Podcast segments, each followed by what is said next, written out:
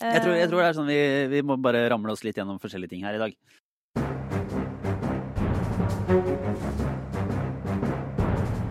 Kanskje være greit å opplyse om at ingen har fullt fokus per nå. Getting there. Ja. Ja. Ja. Nei, men Da er vi i gang med en ny utgave av Aftenpodden. Det er eh, i dag faktisk onsdag, men vi er på plass likevel i studioet vårt. Dette slippes vel ut på torsdag, men noen, for eksempel du, Sara Sørheim, har blitt en sånn friskusredaktør som skal ut og gå på ski. Så derfor så må vi ta det her en dag tidligere enn vanlig. Ja, altså såkalt ledersamling på fjellet. Ja. eh, som jeg skal på. Derfor har jeg på meg flate sko i dag. Det er en liten breaking news, det skjer aldri. Og prøver å se naturlig og sånn avslappet sporty ut eh, på vei til fjellet. Vi får se hvordan det går. Jeg ser at det er sånn journalistikkens eh, finan... Hva heter det sånn når eh, budsjettmøte utpå der de er og går med sånne busseruller og stiller opp på lagbilder i ullgensere alle sammen. Ja. Og så er det en eller annen redaktør som utfordrer de andre til å gå på langrennsski. Kjempefort. Ja. Det er kanskje mer det enn det. Det er mer det enn, ja. Det tror jeg er mer det igjen.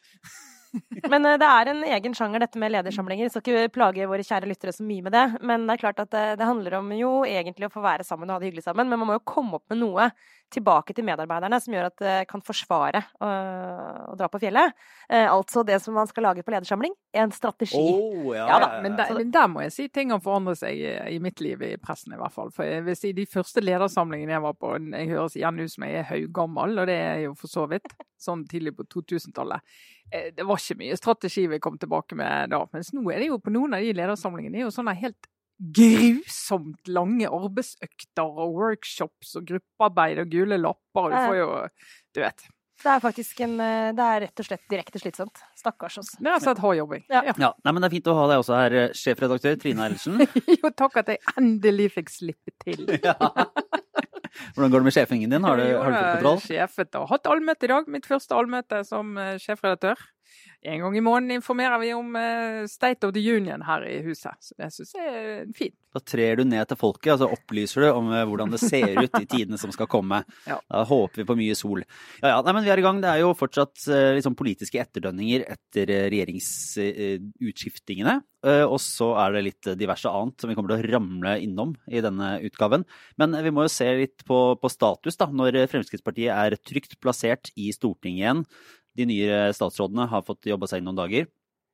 Eh, Så er det jo Hva kan man lese ut av endringene som Fremskrittspartiet har gjort? For nå har det jo satt inn bl.a. Sylvi Listhaug som finanspolitisk eh, tals... Det heter sikkert talsmann fortsatt Ja, i eh, Ja, Fremskrittspartiet. det sikkert ja.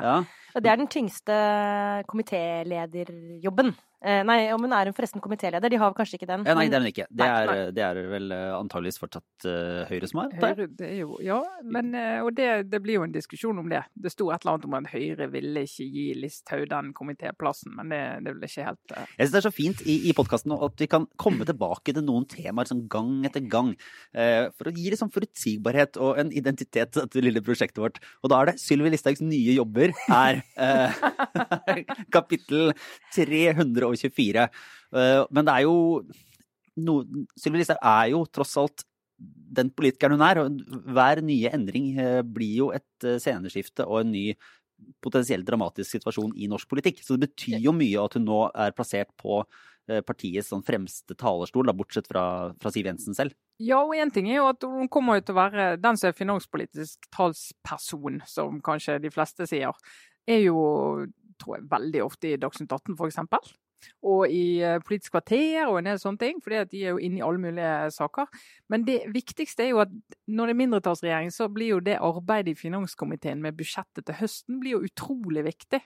Eh, og da, eh, den som sitter i finanskomiteen for partier som sitter i mindretallsregjering, og de de møter der, det er utrolig viktig for utfallet av hvordan dette budsjettet blir. Og vi vet at regjeringen kommer til å venne seg til Frp først for å få til budsjett. Og der skal hun sitte og forhandle med de andre i, i finanskomiteen. Og det er jo en del som er litt spent på Eh, Det det. var noen som sa da her på et eller annet sosialt medium at ok, folkens, kan vi ikke bare, bare alle være enige om at Sylvi Listhaug nå bare er en stortingsrepresentant? Hun har ikke noen talerstol sånn som vi har hatt før, og derfor så kan vi bare droppe å ha henne med i alle debatter. Men er det, er det Ligger det noe i det, Sara? Nei, altså jeg kan forstå at man kan bli sliten av, av den retorikken hun har, eh, rett og slett. Altså det kan jeg kjenne på sjøl også. Jeg syns jo ofte at eh, For jeg er helt ærlig at eh, debatter som Sylvi Listhaug Hun er ikke alene om det, men de politikerne som legger seg på det nivået retorisk, de debattene de er med på, blir ofte slitsomme og til en viss grad liksom uforståelige. Mye å si om det. Men det er altså ikke opp til oss i mediene å liksom velge eller ikke velge politikere ut fra om vi syns at de snakker eller ikke på en ålreit måte. Hun har en tung, tung posisjon i Fremskrittspartiet, eh, så det ville vært veldig unaturlig å ikke invitere henne. Og jeg blir også litt sånn matt av den derre Er det ikke nok Listhaug nå? Eh, fordi eh, jeg skjønner ikke helt hvordan vi kunne ha unngått den, og si avis med mediene, uten å få kritikk med rette for at vi faktisk liksom aktivt holdt denne borte fra debatter. Det mener jeg ville vært en helt feil måte å å bruke vår rolle på. Så det der er en litt sånn ehm, Ja, jeg tar det som et tegn bare på at eh, folk er litt eh, lei, men eh, det er dessverre sånn norsk politikk er. Mm. Og så er det jo med den liksom strategiske valget som tas av Fremskrittspartiet og Siv Jensen når de setter sammen komitéplasseringer og komitéledere, der ligger det jo veldig mye vanlig politisk makt. Og internt i partiene så er det sånne ting som du virkelig følges med på, og som kan gi ja, det kan være provoserende å, gi rom for, for, uenighet og splid. Jeg husker jo da da Jonas Gahr Støre måte, satte Marianne Martinsen litt sånn til side, som hadde vært eh, finanspolitisk talskvinne, og henta inn Trond Giske, så var det mm. dårlig stemning, og noe som også ja, det bidro ikke i, i, Arbeiderpartiet. Og nå er det jo litt sånn interessant å se at eh, Sivert Bjørnstad, da, som regnes som en veldig talentfull ung politiker som har vært Og litt lyseblå Frp. Og litt lyseblå Frp. Mm. Det her eh, blir dytta ned i køen. Og samme blir eh, Hans Andreas Limi, som har vært parlamentarisk leder mens Frp var i regjering. Han blir nå på en måte nummer tre i finanskomiteen fra Frp. Og da, eh, i den sammensetninga, så er jo Sylvi Listhaug Hun kom ut av fengsel denne uka. Og det er ikke en retorikk du hadde fått fra Bjørnstad eller Limi. Nei, nei. Og begge de har jo vært de er jo representanter for dette her moderate Frp, samarbeidsvillige Frp. Og de som trives godt sammen med Høyre, og gjerne de andre partiene òg. Eh, men eh, de er også da satt altså oppleves i hvert fall som å bli satt på et lite sidespor. Eh, og jeg vet jo også at folk som eh, kjenner Frp, reagerte på at Sivert Bjørnstad ble satt til side, og at eh, han Amundsen ja, Per-Willy Amundsen? Per-Willy Amundsen ja. fikk justis. Eh, fordi at en del mente ok, nå skal de belønnes, de mest rabiate skal belønnes med kule poster. da. Sånn at det, det har vært et tema det altså i Frp òg. Så gjenstår det jo å se, som det heter, eh, hvordan det nå blir. Fordi vi er helt sikkert i en fase nå, nå ikke sant? Slipp fangene fri, det er vår, hvor de trenger å løpe av seg og få litt sånn På beite på Bygdøy, uten å trekke den parallellen for langt. Nettopp. Kuslepp. Og mange, mange, symbolsaker allerede som er i, eh, litt sånn i omløp, og behov for å si fra. Og behov selvfølgelig også for å ta litt avstand fra vedtak som ble gjort av regjeringen som de var imot i Frp. Men spørsmålet er jo eh, hvilken side av denne vekta som vinner egentlig i praksis eh, når det har gått litt tid. Om det er eh, viltre opposisjons-Frp eller liksom, det gamle regjerings-Frp. Det er også verdt å huske på at selv om det har vært mange sånne utspill de siste dagene, så, så, kunne også Frp ha forlatt regjeringen med mye mer bulder og brak enn de faktisk gjorde. Og allerede nå har jo faktisk Siv Jensen vist vilje til uh, å være konstruktiv. Uh, hun har kjøpt seg e-golf. Hun har kjøpt seg e-golf. Eh, de brukte jo for så vidt eh, kort tid. altså når, når, hun og partiledelsen i Frp først forsto at det ikke var mulig å fortsette i regjering, så eh, valgte de jo å, å gjøre den eh, prosessen kort, eh, ganske sånn streit, og gikk ut på mandag i forrige uke uten å f.eks. legge fram denne kravslista, eh, som de jo fort kunne gjort selv om de visste at den aldri ville eh, måte få gjennomslag i regjeringen, men som et sånt rent populistisk trekk for å vise fram sine favorittsaker, og for å dytte måte ansvaret for bruddet over på, på Høyre og de andre partiene. De valgte å ikke gjøre det, f.eks. Det kan man se på som et signal fra Siv Jensen. Så får vi se om den konstruktive holdningen overlever eh, de neste ukene. Men det går jo inn i den analysen som er at Siv Jensen kanskje ikke i utgangspunktet hadde kjempelyst til å forlate regjeringa, men, men uh, heiv seg inn foran og tok kontroll over dette. Uh, hvordan dette prosjektet skulle avvikles. Og det, Sånn kan det jo også ses på med Sylvi Listhaug, som tross alt da som finanspolitisk talsperson må forholde seg til de andre partiene, må komme fram til noe vil man tro. Og så er det jo litt interessant å se at Jon Georg Dale, som regnes som den andre eh, store led, neste lederkandidaten i Fremskrittspartiet, eh, som sitter på Stortinget, Ketil Solvik-Olsen sitter jo ikke der ennå, eh, at han da skal være, sitte i energi- og miljøkomiteen. Og det er nok altså Det ville jo ikke vært helt unaturlig at Sylvi Listhaug gikk inn i den komiteen der hun var statsråd, eller er det sånn som man ikke gjør? Pleier, nå var jo ikke hun statsråd så lenge, men du pleier ikke å gjøre det. Altså, tre Å gå til den eh, komiteen du har vært statsråd for. Så det er liksom ikke kutyme. Men, men det som, er, det som jeg syns er, er tydelig, da, det er at Siv Jensen hun har gjort en kjempejobb eh, med denne utgangen. Det må jeg si, for hun har klart to ting. Det er noen klarte, er det du er inne på, Sara, at hun ikke brenner alle broer til Erna Solberg og regjeringen, og på en måte stapper partiet opp i et hjørne der de bare må stå og skrike, men kanskje ikke får gjennomført så mye. Og det andre er at hun går ut, og all diskusjon om lederskap i Frp er vekke. Altså det, det Alle du snakker med, er bare sånn Siv går når Siv vil. Altså Siv tok eh, kontroll på den utgangen, og hun har helt full kontroll på det partiet. Nesten mer enn hun har hatt på lenge. Mm. Og alle stiller seg bak hun, og liksom helt enig sjøl, fra de mest moderate til de mest rabiate. Stiller seg bak hun, men dette er riktig, dette skal vi få til. Eh, og så blir det litt sånn ja, Sylvi Listhaug potensiell leder, eh, Dale potensiell leder. Men det er ingen som ser for seg en diskusjon om det til våren, med mindre Siv Jensen vil det sjøl. Dette syns jeg er fascinerende, uh, og jeg tror det skyldes egentlig en sånn særegen evne som, som toppledere har. Kanskje du har det, Trine, for alt jeg vet. Men den derre um, Hvis jeg har skjønt det riktig, da, både på Erna Solberg og Siv Jensen, tror jeg det er jo relativt åpenbart at ingen av dem ønsket uh, dette bruddet. Men begge må ha altså klart på ganske få timer å kaste seg rundt og liksom gå fra å kjempe imot noe til bare se at nei, vet du hva, jeg kommer til å tape. Og så på bare så ufattelig kort tid bare OK, men da skal jeg vinne den neste posisjonen. Altså null tid brukt på uh, sårslikking, og så rett over i liksom ny modus. Og nå virker det jo som om Siv Jensen er superfornøyd med den løsningen. Og jammen santen virker det ikke som Erna Solberg også er. Superfornøyd. Nytt team, nye muligheter. Eh, liksom, eh, nå skal vi se, nå skal vi gå inn i 2021 og altså, Det er nesten helt utrolig hvor fort, tilsynelatende i hvert fall, da, de skifter på en måte innstilling til eh, situasjonen rundt seg. Men eh, ellers er de bare sinnssykt gode til å fake, da. Det kan jo hende. Men det funker uansett. Og så er det jo da eh, interessant at en av de første konfliktene som oppstår da på borgerlig side, sånn sett, egentlig ikke er mellom noen av partiene, men internt i Høyre. Ja. For der har jo da Oslo Høyre gått inn for en resolusjon, altså et ganske et større eh, egentlig, miljøprogram, der de går inn for en del, eh, en del tiltak for å modernisere egentlig, klima- og miljøpolitikken i Høyre. Og der de sier tydelig at de står for blant annet eh, mer vern, ikke, ikke, videre konsekvensutredning og, og oljeutvinning i Lofoten og Vesterålen. Eh, vindmøller, nei til lokal vetorett mot oppføring av vindmøller og, og, flere andre sånne ting. Egentlig veldig radikalt uh, utspill fra Høyre. Altså Ikke overraskende med tanke på hvordan tidsånden er og hvordan diskusjonene går. Det virker jo komplett rasjonelt på mange måter, men egentlig så Også litt sånn timingen. Sånn jøss, kom det nå? Hvor kom det fra? Har Oslo Høyre plutselig blitt sånn men det er jo alle, alle, altså alle fylkeslagene i Høyre skal jo jobbe med bl.a. klimapolitikk nå som en del av denne her forberedelsen til programprosessen for 2021. Så de har nok de kommer jo til å diskutere det i flere fylker, så det blir interessant å se. Men det er jo det er en illustrasjon på, er jo at denne her by-land-problemstillingen, ja. som jo har plaget Høyre nå mens de har sittet i regjering, du har fått et distriktsopprør, materialisert seg i form av Senterpartiet. Uh, og det er en sak som vi har sett det vanskelig for Arbeiderpartiet og for Høyre. Og du får liksom altså en forsterkning av denne konfliktlinjen gjennom at du legger klimasaken oppå den by-land-konflikten.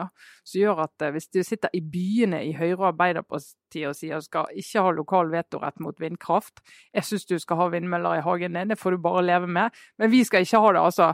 Eh, du, og du eh, er liksom mot eh, videre olje og flytte iskanten nordover. og altså Alle disse sakene som vi vet blir ganske kontroversielle, og som skillelinjen går midt mellom partiene. Men hvis du legger den oppå en sånn by-land-konflikt, da det er interessant, altså. Du kunne jo bare spurt meg. Kunne, kunne sagt at det, det der, det må dere gjerne mene kommer til å få sinnssykt mye kjeft. Altså Når én stakkars podkastperson kan få så mye kjeft bare for å si noe om vindmøller, tenk hva et helt parti kan få av trøbbel. Men også er det interessant å se, fordi svaret fra, fra Troms og Finnmark Høyre og ved da forsvarsminister Frank Bakke-Jensen. Ja. Veldig morsomt. Det var veldig morsomt. Det var jo en slags ironisk, satirisk kommentar om hva man burde gjøre med Oslo. Og ja. hvilke, hvilke, inngrep staten burde ta for å kontrollere og, endre ting i Oslo. Og det var jo humoristisk og veldig og, måte, med godt humør og en artig måte å gå inn i en sånn konflikt på. Men dette vil jo ikke være framover en vits innad i Høyre. Men hva var det, det, han, sa, da? Hva var det han sa da, Jensen? Eh, nei, det var jo blant annet at man skulle ha altså, samme, uh, samme vern, verneområder, altså Nordmarka, skulle, skulle utnyttes på samme måte som Finnmarksvidda. Mm. Som for øvrig ville være en liberalisering av, av hvordan man håndterer Nordmarka. Og så var det jo uh, litt forskjellige sånne nye navn på gater i Oslo sentrum. da likte jeg særlig at det var geografisk beskrevet ut fra utgangsdøra på puben Scotsman. Ja. I, var... Og så var det vel varig vern av Scotsman, var det ikke det? Det kan godt hende. Som er nord mange nordlendingers favorittpub i Oslo. Altså det var, eh, mener jeg, helt sånn mesterlig. Nå har jeg akkurat sagt litt om eh, en type retorikk som jeg syns er ødeleggende i debatter. Dette er det motsatte, og kanskje også Jeg vet ikke Det er mulig at Frank Bakke-Jensen er sånn av seg selv, det vet jeg ikke, jeg kjenner han ikke. Men eh, han fremstår i hvert fall som rett og slett bare genuint avslappa og morsom. Men en annen ting er jo at når du møter det utspillet med den typen humor, så blir det vanskeligere for oss journalister å lage en sak basert på at det er liksom, eh, vanskelig for Høyre å, å stridighet. Da er det litt mer sånn å, de har en interessant politisk diskusjon. Og da tenkte jeg sånn, se for deg at Arbeiderpartiet ville klart det samme. Det er for meg helt umulig eh, å forestille meg. Men at liksom, Oslo Arbeiderparti ut med et utspill, og at en, en, et uh, Trøndelag Arbeiderparti. Trøndelag Arbeiderparti svarte med en sånn kjempevittig, ironisk morsomt svar, og at de møttes i Dagsnytt 18 og hadde en sånn gøy diskusjon seg imellom. Så hadde bare gjort det partiet så mye mer Nå holdt jeg på å si sexy, det er verdens verste uttrykk å bruke om alt, bortsett fra de som faktisk er det. Men ja, dere skjønner hvor jeg vil. Det var en veldig smart måte for Høyre å egentlig ta litt livet av den der konfliktsaken ja, og apropos det å, å, hive seg inn og ta lederskap i debatter som kan være vanskelig, og, å måtte ta en posisjon, så gjør jo Frank Bakke-Jensen det på vegne av Nord-Norge og liksom sier fra tydelig at dette syns vi ikke noe om, men vi lar på en måte ikke konflikten bli så betent og så stygg at noen andre føler at de må gå inn og, og kjefte mer.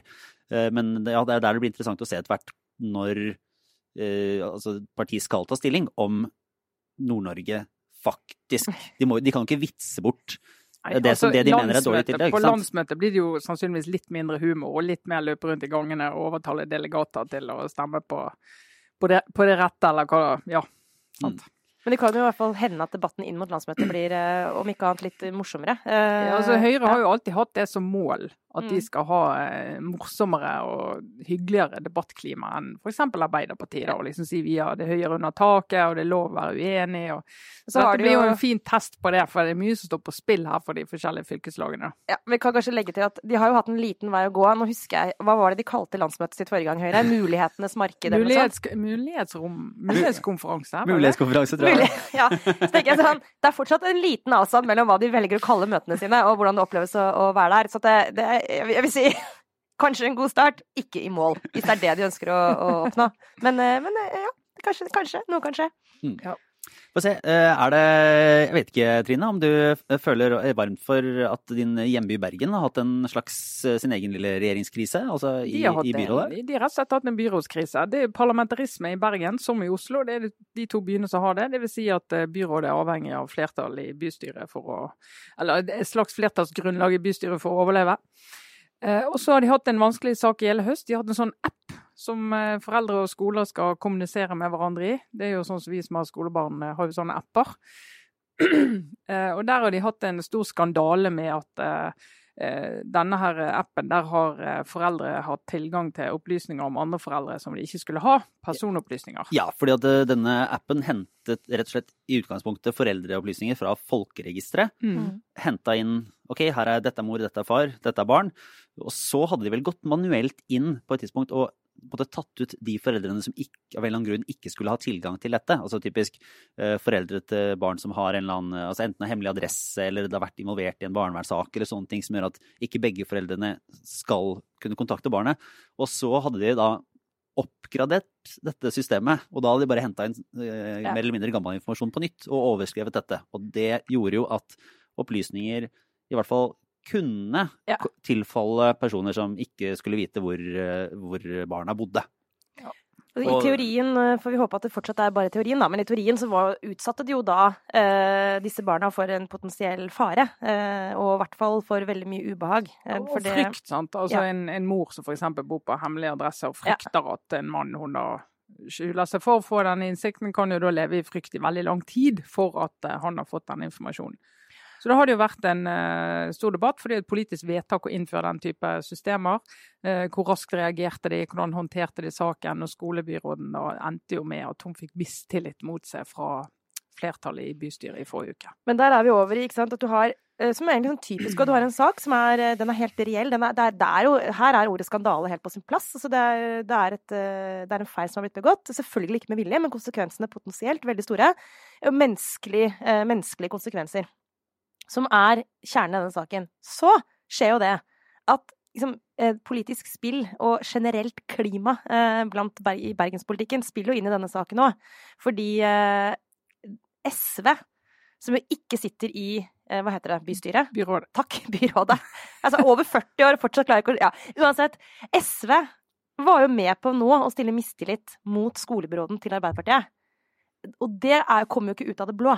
Nei, eller hva skal jeg si, man får jo forutsette da at SV, som alle andre partier, alltid tar eh, Ja, ja, ja, prinsipielle og faktiske eh, standpunkter basert på sakens realiteter. Men jeg vil jo klimamessig politisk så hjalp det vel ikke at SV gjorde sitt beste valg i Bergen på mange, mange år i valget, og så ble Og var i forhandlinger Ja. om å gå i byråd. og så ble dytta ut til fordel for KrF. KrF. Ja. Ja. Så de, de var jo ikke akkurat i godt humør fra før av. Og hadde jo ikke noe sånn vi må absolutt sørge for at dette byrådet overlever stemning inni seg. Det hadde de ikke. Men så var det jo da Arbeiderparti-byrådsleder Roger Valheim som gikk ut veldig høyt og sa det at ok, hvis dere stiller, stiller bak en mistillitsforslag mot skolebyråden, så vil hele byrådet gå av. Og det var jo en dristig politisk manøver. For da ville han på en måte lempe over på SV at de eh, i, i verste fall da ville innsette et høyreledet byråd og si se her hva dere fikk. Eh, Så han eh, gamblet jo da på at i den avstemningen så skulle komme neste bystyremøte, som jo er en stund til, at da ville kanskje noen tenke at det ikke er verdt det. Men så fikk han jo i tillegg til at han da liksom prøvde å spille hardball, så fikk han jo også kritikk eh, for å ha kommet med dette kabinettspørsmålet, som det jo egentlig er da, eh, på et tidspunkt når eh, partiene ikke var helt ferdig med sin behandling, og det ble oppfatta som at han forsøkte å presse særlig SV, da. Og det, det har jeg skjønt på Det må jeg bare si, på vår søsterpodkast, jeg velger å kalle dem det, Noen må gå. Det heter vel 'Nokon må gå på nynorsk. da. Ja, ja, fra Bergens Tidende. Ja, Veldig siden god. Jens Mhm. Kiel er med i den podkasten, som jo er nynorskens store forkjemper. Det er en podkast fra BT, de har snakket mye om denne saken. Um, og, så jeg skal bare si uh, med en gang at jeg lener meg tungt på det jeg har hørt i 'Nokon må gå. Men, men poenget er at det skapte jo ytterligere dårlig stemning at Valhammer kom ut med, med det kabinettspørsmålet. Så det har vært en sånn skikkelig um, altså bare sånn, Det er ingen vinnere da, i denne saken. Det har vært en Jeg syns det var veldig sånn urutinert av Valhammer å gå ut på den måten på det tidspunktet. Så det var en helt merkelig ting å gjøre. Eh, Men i hvert fall så har jo byråden da har jo da tatt ansvar gjennom helgen. Selvfølgelig. Det var det var sånn det måtte gå, var det ikke det? Jo, sånn måtte det gå, så hun trekker seg da, og sier at han har prøvd å overtale henne til ikke å gjøre det og alt det der. Men det er jo, jeg syns jo det er litt uh, skjønt og litt vakkert at vi får se eksempler på at eh, politikere at, det, at et ansvar blir tydelig plassert. Og det går jo også inn i den nasjonale politiske diskusjonen, eh, bare for å hente oss inn igjen på det. Det er jo at uh, denne, NAV, denne pågående Nav-saken, slash Nav-skandalen, vi får se, den er jo ikke ferdig behandla. Jeg tror vi at kaller det skandale. Selv statsministeren kaller det skandale. ja, uh, Det er ikke veldig kontroversielt å kalle det Nav-skandalen, i hvert fall. Så var det jo nå, nå ble jo på en måte nasjonen holdt jeg på å si, spart for hele den debatten om Hauglies posisjon, men, men eh, altså statsråden som er ansvaret, Anniken Hauglie, eh, i og med at hun gikk allerede nå. Men da var vi midt inne i den derre eh, Skal du bli sittende for å ta ansvar, eller skal du gå for å markere sakens alvorlighet? Det er klart at det er jo to helt forskjellige saker, da. Men uansett, parallellen i Bergen nå viser jo at det at hun faktisk bestemte seg for å gå, sannsynligvis har rydda opp i denne saken og lagt den ballen, om ikke død, så er i hvert fall det kapitlet nå sånn. Da skjedde det, hun gikk, og da kan de fortsette.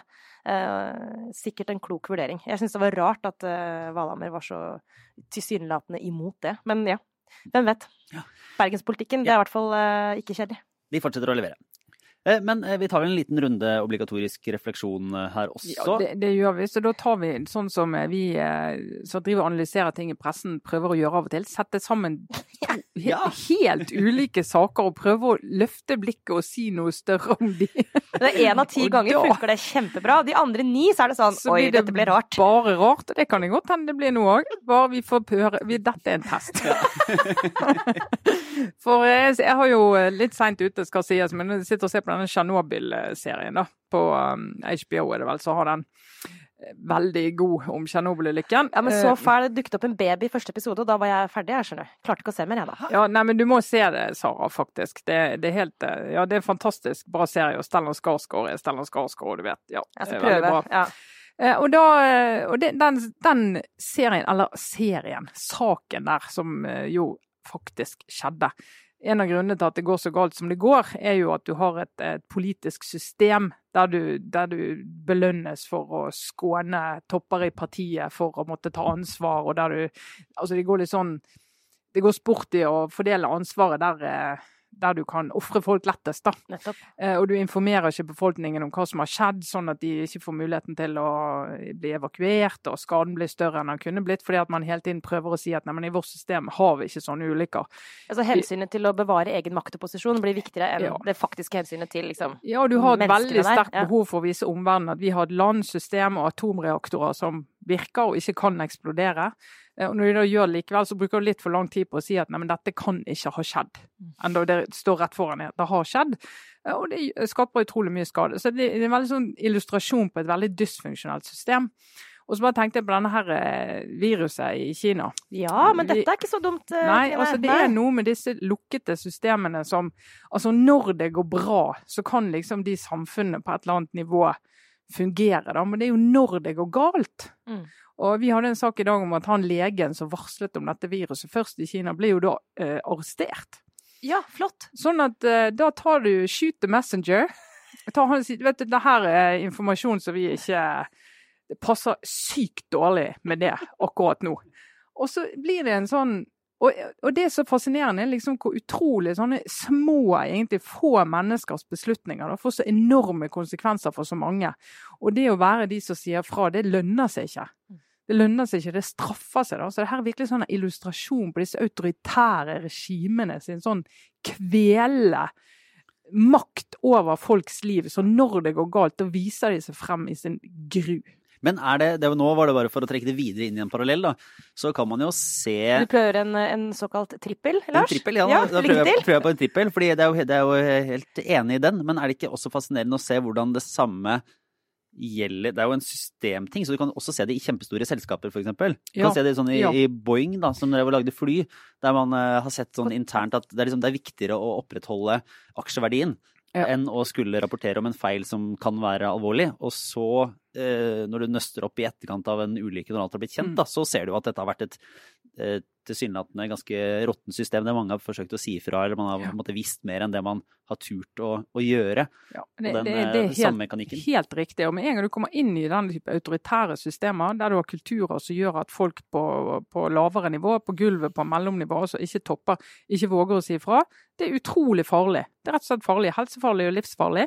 Eh, og Tsjernobyl skjedde jo i tidligere Sovjetunionen, så var det et regime som gikk under like etterpå. Eh, og sånne historier, akkurat som i sånne selskaper, hvis du har mm. for mange av de historiene, så smuldrer hele tilliten, ikke bare hos de som jobber der, men til de som skal forholde deg til det. Eh, og da er det plutselig borte. Mm. Men frem til det skjer, så skjer det jo mye vondt da. Jeg skal bare da slenge inn en anbefaling, fordi jeg leste en bok for mange år siden som har gjort et dypt inntrykk på meg. Jeg har også litt sånn virusangst, så det er kanskje litt derfor, men, men den heter Spillover. Uh, rett og slett. Spillover. Ja. Og det er det som det kalles når et virus plutselig går fra smitte mellom dyr til smitte mellom dyr og mennesker, og så mennesker og mennesker. Men skal ikke dra hele den, den boka sine poenger nå, annet enn å si at veldig mange ting oppstår på disse enorme dyremarkedene uh, i Kina dette viruset også, dette nye koronaviruset. Eh, og det er også en politisk eh, beslutning. Eh, det kunne vært hvert fall en politisk beslutning å gjøre noe med det, også av hensyn til dyrevelferden. Men det er altså helt sånn enorme, svære markeder hvor du har veldig mange forskjellige typer dyr pressa sammen på kjempeliten plass i trange, trange bur. En, en økologisk situasjon som er helt altså direkte unaturlig. Og når du har så mange dyr, så mange arter så tett på hverandre, så oppstår det et, sånn, et klima hvor, hvor, sånne virus kan veldig lett mutere. Ja, og den boka den forteller hvordan dette, det er alle dumme ting menneskeheten gjør, så er det med på å sette oss i altså, rett og slett Altså, det er kjempefarlig. Er det fiksjon eller fakta? Nei, nei, det er en dokumentarbok. Altså en, hva heter det for, en journalist som har skrevet. Skal legge ut på Facebook navnet hans, for det, det husker jeg ikke i farta. men den, den, handler om disse virusene som har blitt pandemier, eh, mm. også ebola. Eh, hvor har de oppstått? Mm. Eh, hvordan, hva var det som skjedde som gjorde at de kunne smitte fra dyr? Dette er jo virus som er ufarlige for dyr, over til andre dyr igjen, og så over til mennesker. Eh, og hvordan det der, eh, menneskelige, den innblandingen vi gjør i økosystemene, viser seg gang på gang å være grunnen til at disse virusene oppstår. For vi gjør ting med økosystemene, for eksempel flytter en hest. Da britene tok med seg hester til Australia, så mm. eh, viste det seg at hestene de tok imot et virus fra flaggermus. For hester skal jo ikke være i Australia, det var aldri hester der i utgangspunktet. Og det skapte et helt nytt virus som uh, drepte masse dyr og mennesker for ganske mange år siden. Og da vil jeg bare minne om minken som vi kjører hjemme i Norge. Jeg vil bare benytte anledningen. ja. Altså, vi, eh, mink eh, som uh, host for det nye muligens ebolaviruset. Hvis det skjer, Trine, da har du det beste argumentet ja. for å bli kvitt mink. Nei, men Spillover, altså, det er dødsfascinerende. Virkelig, det er en veldig god bok. Ja. ja. Eh, jeg... Visste du ikke at jeg kunne så mye om Lars? Nei, nei, det var, det var en overraskelse.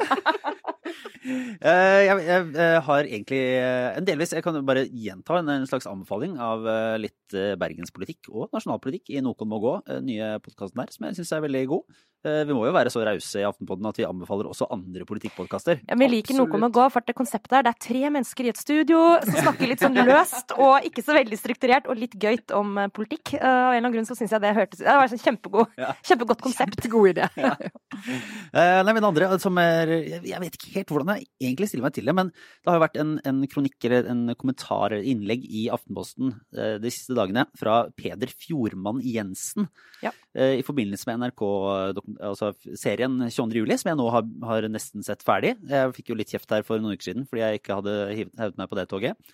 Uh, stort sett veldig bra. Veldig sterk.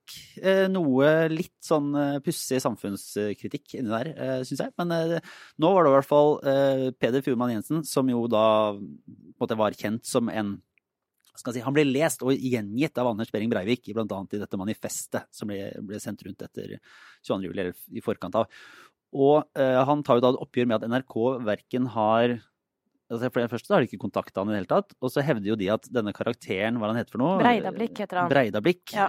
Eller altså det han kaller seg bloggen. Bloggen etter blikket, ja. Eh, det er en karakter i serien som uh, skriver uh, innvandringskritiske og islamkritiske tekster på internett, på, under, på sin egen blogg, og som ganske raskt, vi får se i serien, blir invitert inn i litt sånn større europeiske anti-islam, for å kalle det det, på en måte miljøer, da. som jo Peder Jensen, som fjordmann, ble i virkeligheten.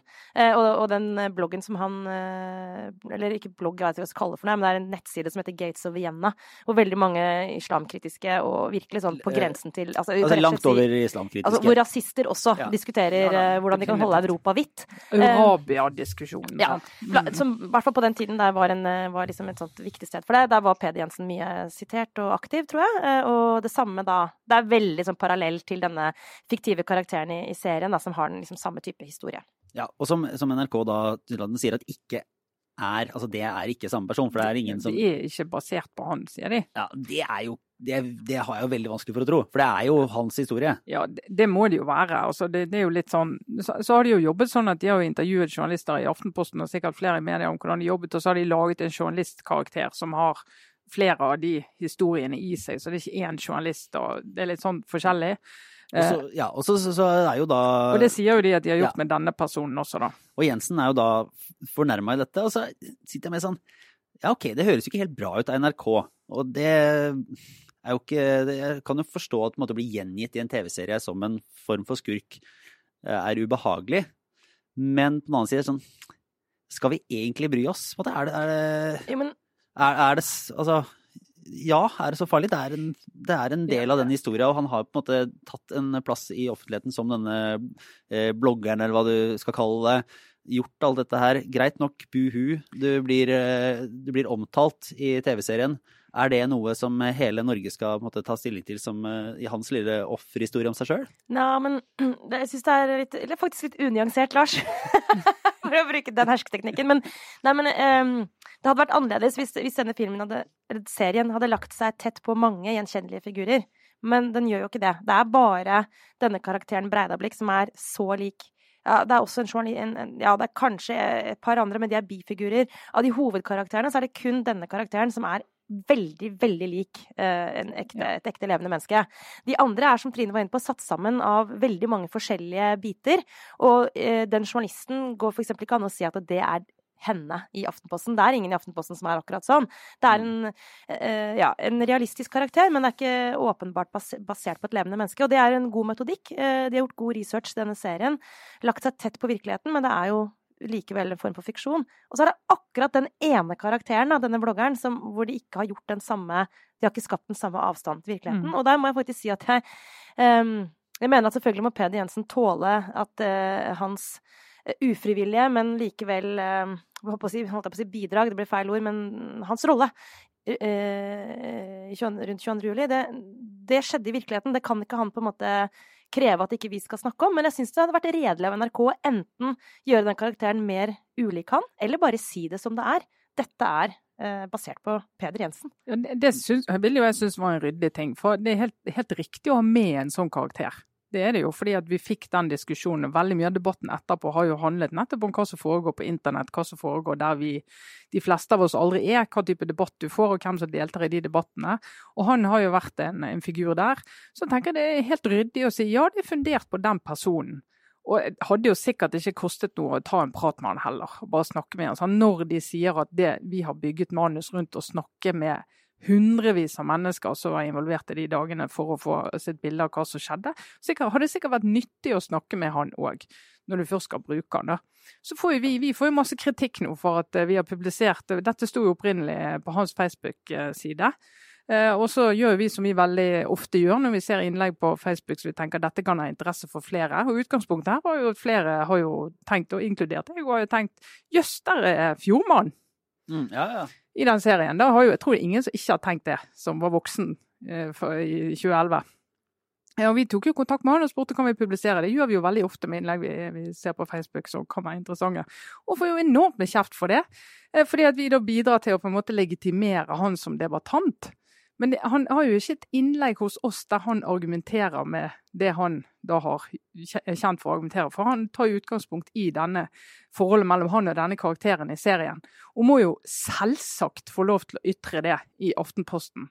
Eh, og det kan være interessant for flere å, å lese, da. Men hva er, det, hva er, det, det gir som utover en erkjennelse av at han er litt lei seg? Altså, hva, hva, hva er formålet med å publisere det? Nei, jeg tror jo, det vi ser er jo NRK har jo svart. Sånn at du får, Det er en av de mest intense og gripende seriene på norsk TV på aldri så lenge, som folk er veldig opptatt av. Så jeg tror det er mange sider ved den serien vi skal diskutere. Dette er bare én av mange problemstillinger hvor en av aktørene sier at ja, dere har snakket med alle typer aktører i 22. juli bare ikke med meg. Hvorfor ikke det? Og under der ligger det jo var det, var det, var det for ubehagelig å snakke med meg? Var jeg, ikke, var jeg ikke god nok? Jeg er ikke relevant nok?